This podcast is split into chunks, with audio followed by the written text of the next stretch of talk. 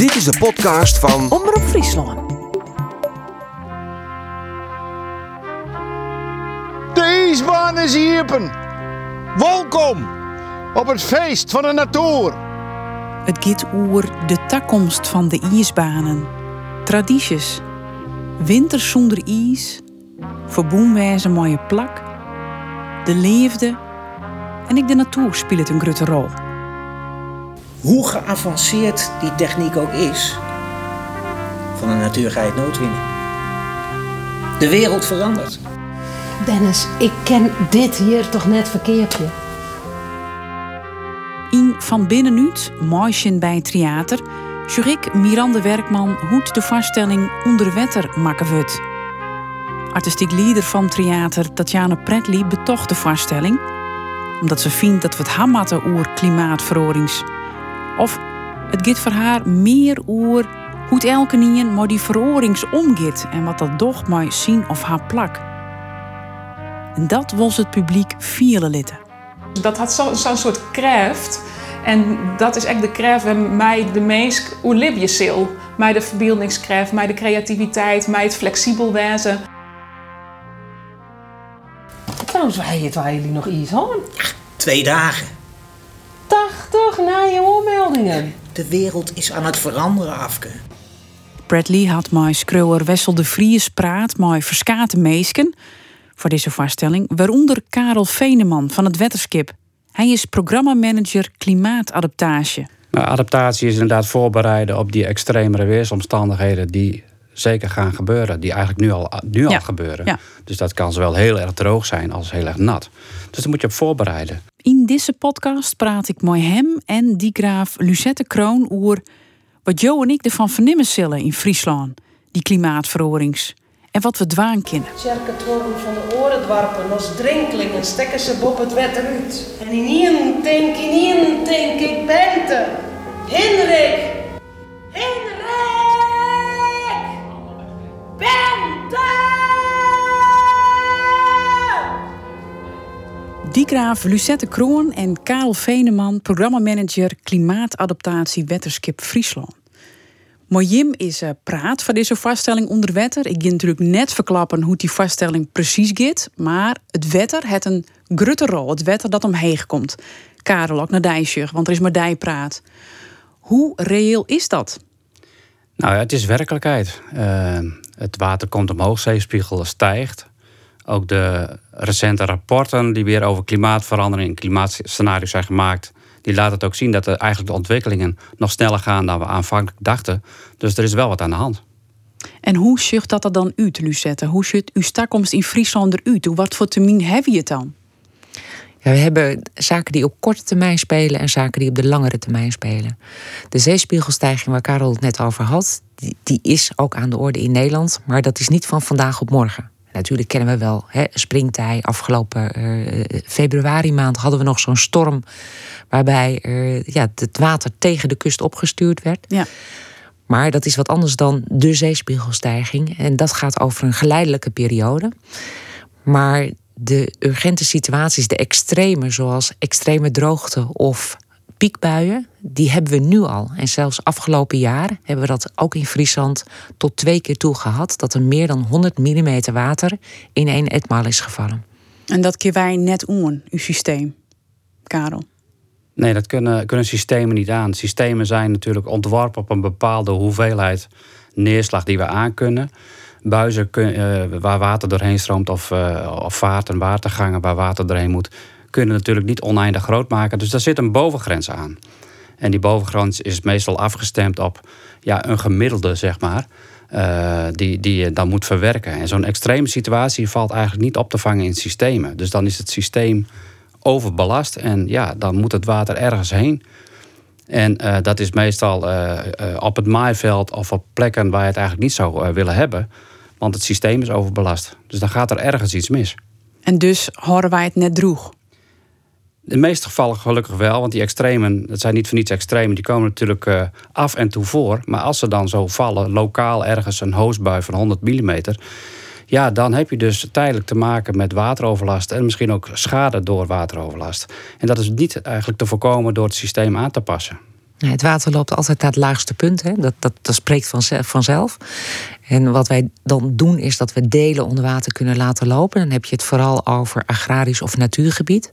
Maar als, zodra je dat in stedelijk gebied hebt, dan heb je direct een probleem. En dat was ook bijvoorbeeld rondom Surhuis de Veen. Uh, uiteindelijk is er een, uh, zelfs een, een uh, verzorgingshuis onder water komen te staan. En dan hebben we het niet over een meter, maar dan heb je 10 centimeter. Dat, het levert al behoorlijke schade op aan vloerbedekking, aan meubels, noem het maar En dat is iets wat wij in de toekomst vaker mooi maatje zullen. Dat is iets wat we vaker gaan meemaken. En uh, dus het is een keuze tussen welke risico's wil je kleiner maken. En uh, hoeveel geld kun je daar tegenover zetten? Tegen welke vermeden schade ook. Dus ook dat zijn keuzes die wij niet maken als waterschap. Maar die je samen moet maken met eigenlijk alle bedrijven, burgers en ondernemers uh, in, in Boeren en in Friesland. ja, wat is wel en niet acceptabel? Ja hoe de oplossingskant we het dadelijk ik hebben. Maar eerst nog waarom naar die zeespiegel. Die gaat omheeg. Hoe, um, ik ben niet dicht onder de kust. Hoe gevaarlijk wordt dat dan? Nou ja, gelukkig, uh, we wonen in een delta in Nederland. Ik zei gelukkig, maar ik bedoel, we wonen in een delta in Nederland. En dat beseft niet iedereen. Dus heel groot delen van Friesland liggen ook onder het zeespiegelniveau. En dat is ook de reden waarom wij dijken hebben. Maar we vinden het allemaal heel erg normaal. En we voelen ons ook heel erg veilig. En dat zijn we eigenlijk ook. We wonen in de veiligste delta van de wereld, zeggen we wel eens. Ja, dat is goed om even te. Maar ja, de zeespiegel stijgt wel. Dus we moeten wel uh, alert blijven op, het, op de kustverdediging. Hè, dat we die dijken voldoende hoog blijven bouwen. En dat kost ruimte en dat kost geld. Voldoende hoog of bijvoorbeeld naar buiten toe met voorlanden versterken. En een ander gevolg van een hoge zeespiegelstijging is water heeft ook massa, gewicht. En dat betekent naarmate de druk buiten de dijken hoger wordt, komt de zoute kwel zeg maar, aan de binnenkant van de dijk omhoog. Dus het heeft wel degelijk ook nog een ander uh, gevolg. En wij weten, zelfs autonoom, maar we hebben ook bodemdaling. Dus het gaat aan twee kanten. De bodem daalt en de zeespiegel stijgt. Ben mensen zich genoeg bewust hiervan? Want zolang het net gebeurt, zolang ik gewoon in mijn huis ben en ik heb net die 10 centimeter water binnen, dan denk ik, nou ja, misschien valt het daar.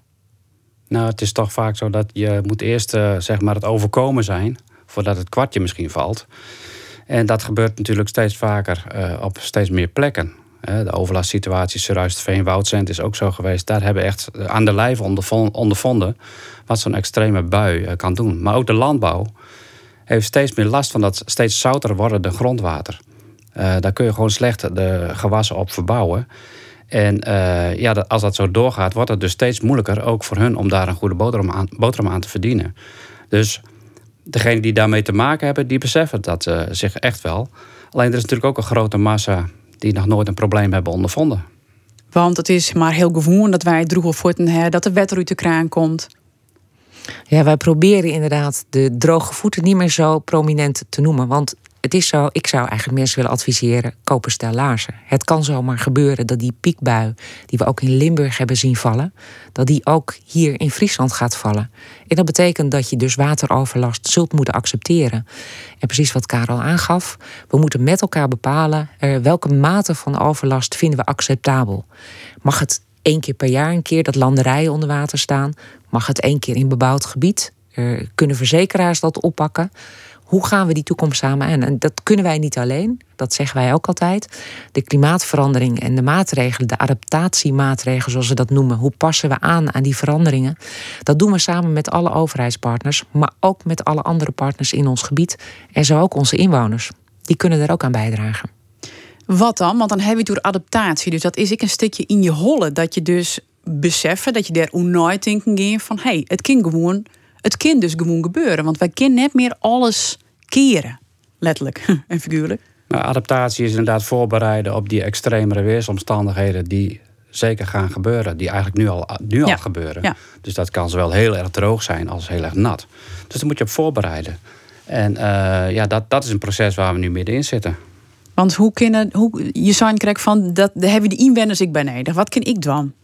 Je kunt twee kanten op. Enerzijds is mitigatie noemen we. Proberen dus de klimaatverandering wat tegen te gaan. Wat minder snel te laten plaatsvinden. En dat betekent dus inderdaad energie-neutraal worden. Zet je vorming op 19 graden. Zorg voor isolatie in je huis, et cetera. Minder vlees. Nou, eh, al dat soort zaken. Maar adaptatie betekent zorg dat je gebied geschikt wordt. En daar kunnen ook onze inwoners iets aan doen. Bijvoorbeeld hun eigen tuin. Tegels eruit, planten erin. Of zorgen dat je regenwater niet op het riool stroomt, maar dat je regenwater in het, ja, in het gebied zelf terechtkomt op een sloot als die in de buurt zit. Maar je kunt hem ook via grind, zeg maar, in je tuin uh, zelf opvangen. Mensen kunnen zelf heel veel doen, staan er wel eens niet bij stil. Ook zorgvuldig omgaan met water. Want wij zijn eigenlijk, omdat water zo goedkoop is, gebruiken we ook veel water. Drinkwater, ja. Drinkwater gebruiken we om zwembadjes te vullen. Zeker als het heet is. Verkoeling, zeker als het heet is. Maar die drinkwater pompen wij hier in ons gebied ook weer op uit het grondwater. Dus naarmate wij heel veel drinkwater gebruiken, zeker in droge perioden, en dan wil je graag je zwembad in de tuin vullen. Maar dat betekent iets voor het totaal van het water eh, in gebruik, zeg maar, in Friesland. Dus moet we er rekening mee houden dat wij net altijd genoeg drinkwater ik thuis beschikking hebben? Nee, wij hebben ook met drinkwaterbedrijven maken we afspraken over het gebruik van, van grondwater. En drinkwater gaat uit de diepere grondwaterlagen. Maar het is wel van belang dat wij met elkaar daarover afstemmen het IJsselmeergebied, waar wij een heel groot deel van ons oppervlaktewater uh, van afnemen. Dus wij laten dat in, zeg maar, uh, via inlaten, zoals heet ze ook. Of we laten een gemaal andersom draaien. Maar Noord-Holland gebruikt datzelfde IJsselmeerwater voor drinkwater. Dus we moeten met elkaar, moeten we dat water waarvan we weten dat het naar de toekomst toe wat schaarser gaat worden, moeten we goed kunnen verdelen. Dus daar maken we ook afspraken over als overheden onder elkaar. Want dan gaat het ik oer uh, waar krijgt varang als het heel droeg is van langere perioden. Dat klopt. En dat betekent ik dat het dan net zo vanzelfsprekend is dat ik dat zwembad zie bij mij in de tuin vul ik in? Nou ja, er is een, bij schaarste gaat er natuurlijk een bepaalde verdringingsreeks gaat dan in werking. Dus de belangrijkste functies krijgen het eerst water. En het zwembadje is denk ik niet de belangrijkste functie in dit geval. Uh, dat, dus het drinkwater is natuurlijk van Vitens. Hè, dat drinkwaterbedrijf die verzorgt dat. Uh, maar die hebben dus ook al problemen om, om ja, voldoende schoon uh, water te leveren. Hè. De vraag wordt steeds groter en de beschikbaarheid wordt steeds kleiner. Ja, het is best wel gek als je realiseert dat we drinkwater... Ja, er zijn percentages bekend. We gebruiken minder dan 5% van het drinkwater echt ook om te drinken. Dus voor koken en drinken. En als je alles wat je zou kunnen vervangen door een alternatief... in dit geval bijvoorbeeld hemelwater... dan kun je eigenlijk 50% al besparen op je drinkwaterverbruik. Uh, kijk, dat zit zo aan de dijk. Maar dan moet de markt daar ook klaar voor zijn. Dus dan moeten wij ook het normaal vinden in Nederland dat we hemelwater gaan opvangen en hergebruiken in ons eigen huis voor kleren wassen, noem het maar op. Dat is in Nederland nog helemaal niet zo gewoon nog. Zo is de regelgeving ook niet opgezet. Maar het is wel een richting waar we eigenlijk naartoe zouden moeten. Uh, er zijn best wel goede voorbeelden, ook in het buitenland, waar dat al wel zo is. En hoe kan dat dat ze er dan verder binnen? Nou, ik denk dat het daar ook vooral uit nood geboren is. We hebben in Nederland een zo goed werkend systeem. En goedkoop. Ze zijn zo goedkoop, het worden zo goed ontzorgd dat hmm. niemand daar eigenlijk over nadenkt. Maar als het systeem niet werkt, of minder goed werkt, uh, in België of zo, dan, uh, ja, dan, dan snap je dat ook beter. Dat het belang van het opvangen en het hergebruik van hemelwater uh, niet alleen noodzakelijk is, maar daar ook een verplichting is. Want het systeem wat daar ligt, kan het eigenlijk niet verwerken. Dus daar is de noodzaak om het te doen veel groter. Bij het eigenlijk te goed. Ja, we zijn een beetje slachtoffer van eigen succes. Hoeveel winters met ijs hebben we dit, deze eeuw gehad. Heid wie slim ziek. Die ijsbaan, dat, dat wie zien leven. Ja, maar een leven is eindig, Afke. En de geschiedenis met zo'n ijsbaan toch ook. Dus je kunt niet altijd meer garanderen dat er altijd op tijd genoeg uh, voldoende schoon zoet water is. Of dat we het op tijd uh, kunnen afvoeren uh, voordat er echt schade ontstaat. En dat besef moet er komen dat je niet meer 100% ontzorgd kan worden of 100% bediend kan worden en dat er ook een eigen verantwoordelijkheid ligt bij iedere burger om te doen wat je kan doen. En niet met de vinger naar elkaar te wijzen, zij moeten het maar voor mij oplossen. We hebben allemaal een verantwoordelijkheid.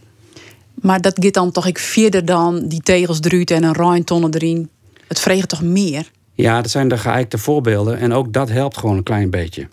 En uh, misschien ook een leuk detail om daarbij te vertellen: tegel eruit, struik erin. Um, als we allemaal groene tuinen gaan aanleggen, dan bestaat natuurlijk ook het risico dat we massaal ook meer moeten gaan sproeien. Ja. Dus het advies zou ook moeten zijn: zet dan ook in die tuin planten die goed tegen droogte kunnen. Want dan hoef je niet te sproeien. En als je dat doet, doe het dan alsjeblieft niet met drinkwater. Dus de nuanceringen in dit soort verhalen zijn ook belangrijk. Maar ja, een betere wereld begint bij jezelf, zeiden ze wel eens vroeger. Hè? En dat geldt nog steeds. En uh, wees wijs met water was ook een slogan uit volgens mij de jaren 80. Ben ik maar grut worden, ja. En die is actueler dan ooit. Ja. Dus wees wijs met water. Ja.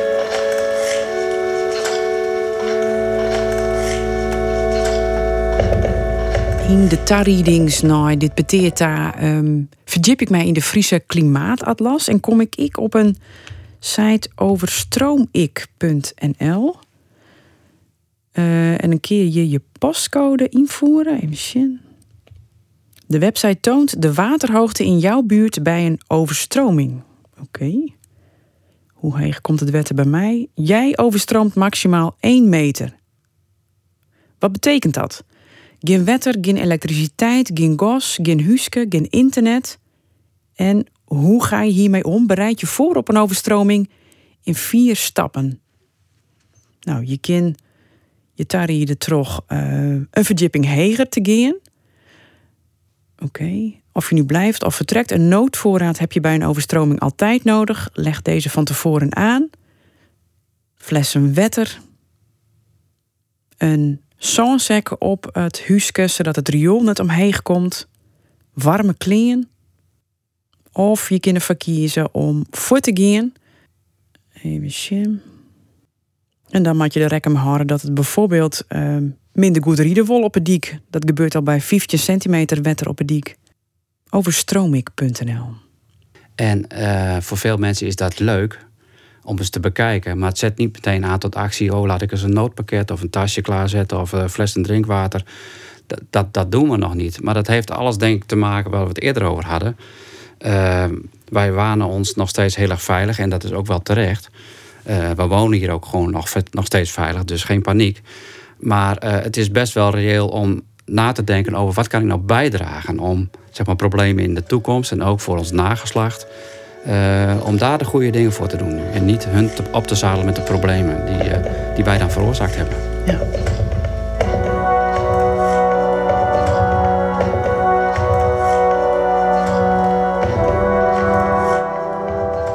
Bij de televisieopnames interviewde ik Sietse Pruksma. Hij is componist en betinkt ik het lood bij de vaststelling onder wetter. Hij zou eerst alleen nog mooi tinken, mooi uh, regisseur Tatjana Pretli, hoe de inhoud van de vaststelling. Omdat Sietse Pruksma ik bot belutsen is bij dat hele grote thema klimaatverhoring.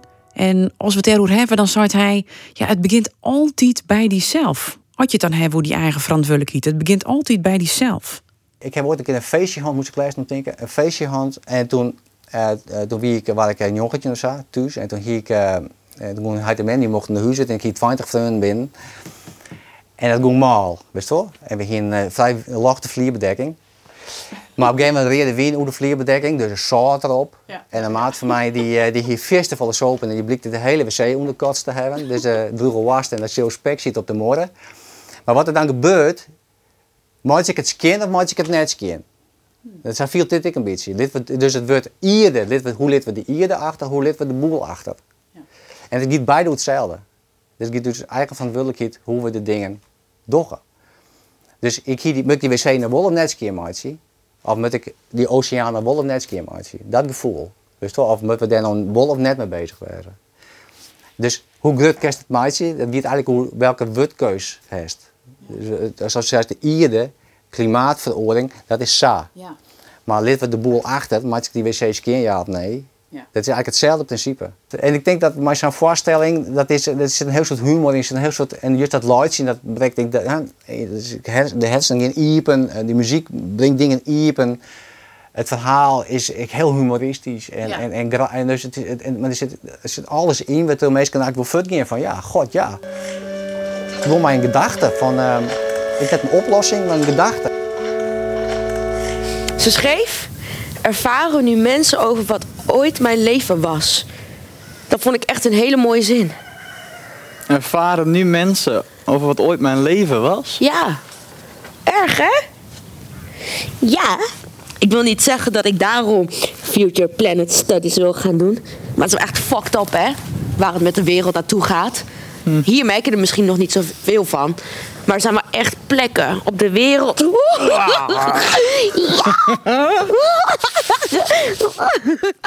Ik denk, er is wel urgentiebesef intussen. Dat mensen wel weten dat er van alles om de hand is met het klimaat. Maar ik denk dat wij u uiteindelijk nog altijd veilig wa ja, wanen. En je vond natuurlijk meestal ik net bang maatje. Dat, dat prook bij Jimmy wel. Van dat ik reëel blowen en we wennen in een veilig land. Ja, blijven we ook doen. Wij blijven ook zorgen voor die veiligheid. En ja, ik, ik zou geen knip voor mijn neus water zijn op het moment dat het wetenschap dat niet meer kan garanderen. En tegelijkertijd zullen we moeten accepteren dat er wat meer overlast kan plaatsvinden. En zullen we ook moeten accepteren eh, dat er veranderingen plaatsvinden. Dus daarin zullen we allemaal een stukje moeten aanpassen. De vanzelfsprekendheid van voldoende water zal veel minder zijn naar de toekomst toe. En tegelijkertijd mag je van ons als waterschap verwachten dat wij ons werk blijven doen. Dat we niet alles meer kunnen oplossen met technische methodes. Dat we ook moeten zoeken naar mogelijkheden om water op te vangen in het gebied. En tegelijkertijd hebben wij ook de schone taak om te zorgen dat het betaalbaar blijft voor onze inwoners. Want dat woord hebben we nog niet gebruikt. Maar we zullen naar de toekomst toe zulke grote uitdagingen krijgen dat het een hele klus wordt om te zorgen dat wij het voor de Friese inwoners betaalbaar houden. Hm. Dus uh, Geervetsen, wat ken ik als inwoner nou dwan? Nou, je, ze zeggen wel eens uh, think big and act small. En nu is het ook nog act fast. Dus ehm, begin gewoon. Ja. En hoe klein het ook is. En die regenton, die kennen we allemaal wel. Die hebben we hem er wel gewoon neer. Heel veel hebben hem niet. en zorg ook dat hij leeg is. Ja, als we regen verwachten. Hè, zorg dan dat voorafgaande je regenton leeg is. Want dan kun je echt water opvangen. Dus dat, ik denk dat je het gewoon moet doen. En als we ook kijken naar de markten. Um, en dat bedoel ik even de manier waarop wij wonen en hoe wij uh, willen wonen. Um, we zijn nu bezig met energie-neutraal en zonnepanelen. Dat snappen we allemaal inmiddels wel. En als je het ik laatste... even door? Ja, kan even, heeft, heeft even geduurd inderdaad. Maar dat snappen we inmiddels. En, uh, en op een gegeven moment, als je dan de laatste in de straat bent die nog geen zonnepanelen op dak heeft, dan ja, hmm. voel je toch ook al een beetje, ja, dat is ook niet leuk. Nee, klopt. En uh, de, de volgende stap is dan klimaatneutraal, iets met CO2. Nou, elektrisch rijden en dat soort dingen, dat gaat nu ook heel erg snel. Ja. Ook bedrijven die, die uh, alleen maar elektrische auto's uh, leasen. Dus dat, die markt gaat ook snel. En in de woningbouw kun je ook nog iets verwachten als waterneutraal bouwen. Um, ja, hoe gaan we dus om met het schaarse goed schoon zoet water? Uh, en daar verantwoord mee omgaan. Nou, en die markt is nog wel in ontwikkeling. Er gebeuren allerlei, allerlei leuke nieuwe innovaties, ook wel op dat terrein, die ook toegepast worden. En dat is nu ook nog een druppel op de gloeiende plaat. Um, maar het begin is er. En ik denk dat we straks heel normaal vinden dat wij, ons, uh, dat wij uh, zuinig omgaan met het drinkwater wat we uit de kraan krijgen. En dat we maximaal gaan inzetten op het hergebruik van, van hemelwater in eigen huis. En dat dat een nieuwe normaal wordt, ook in, eh, in uh, Friesland. En ook bij ontwikkelaars en bouwers en ontwerpers van woningen, steden, nieuwe dorpen.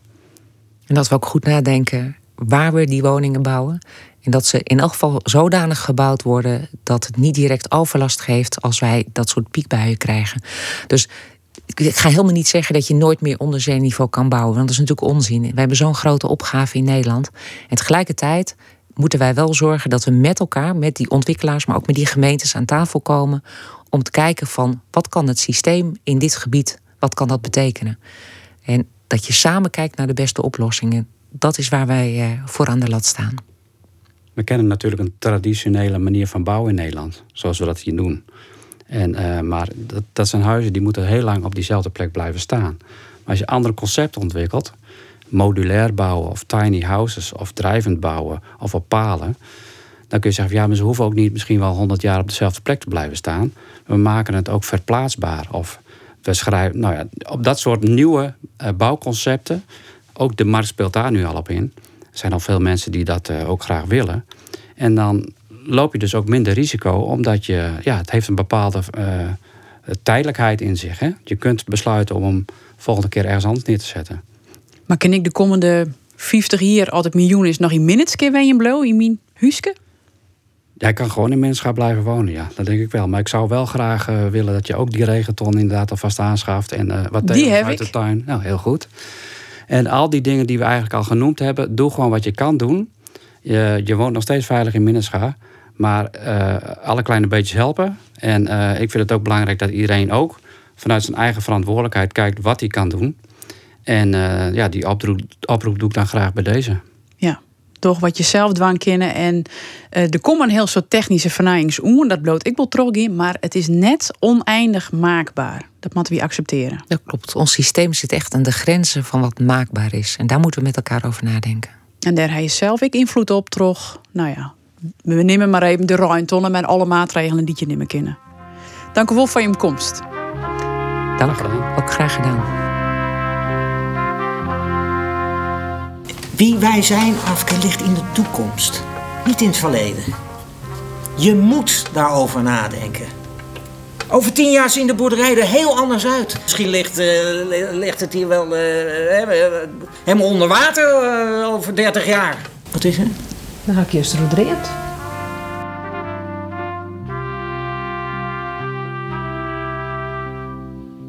Deze podcast jet bij de televisieserie Van Binnenuit, Mooisjen bij Theater. Alle afleveringen binnen waarom te via omroepfriesland.nl slash van binnenuit.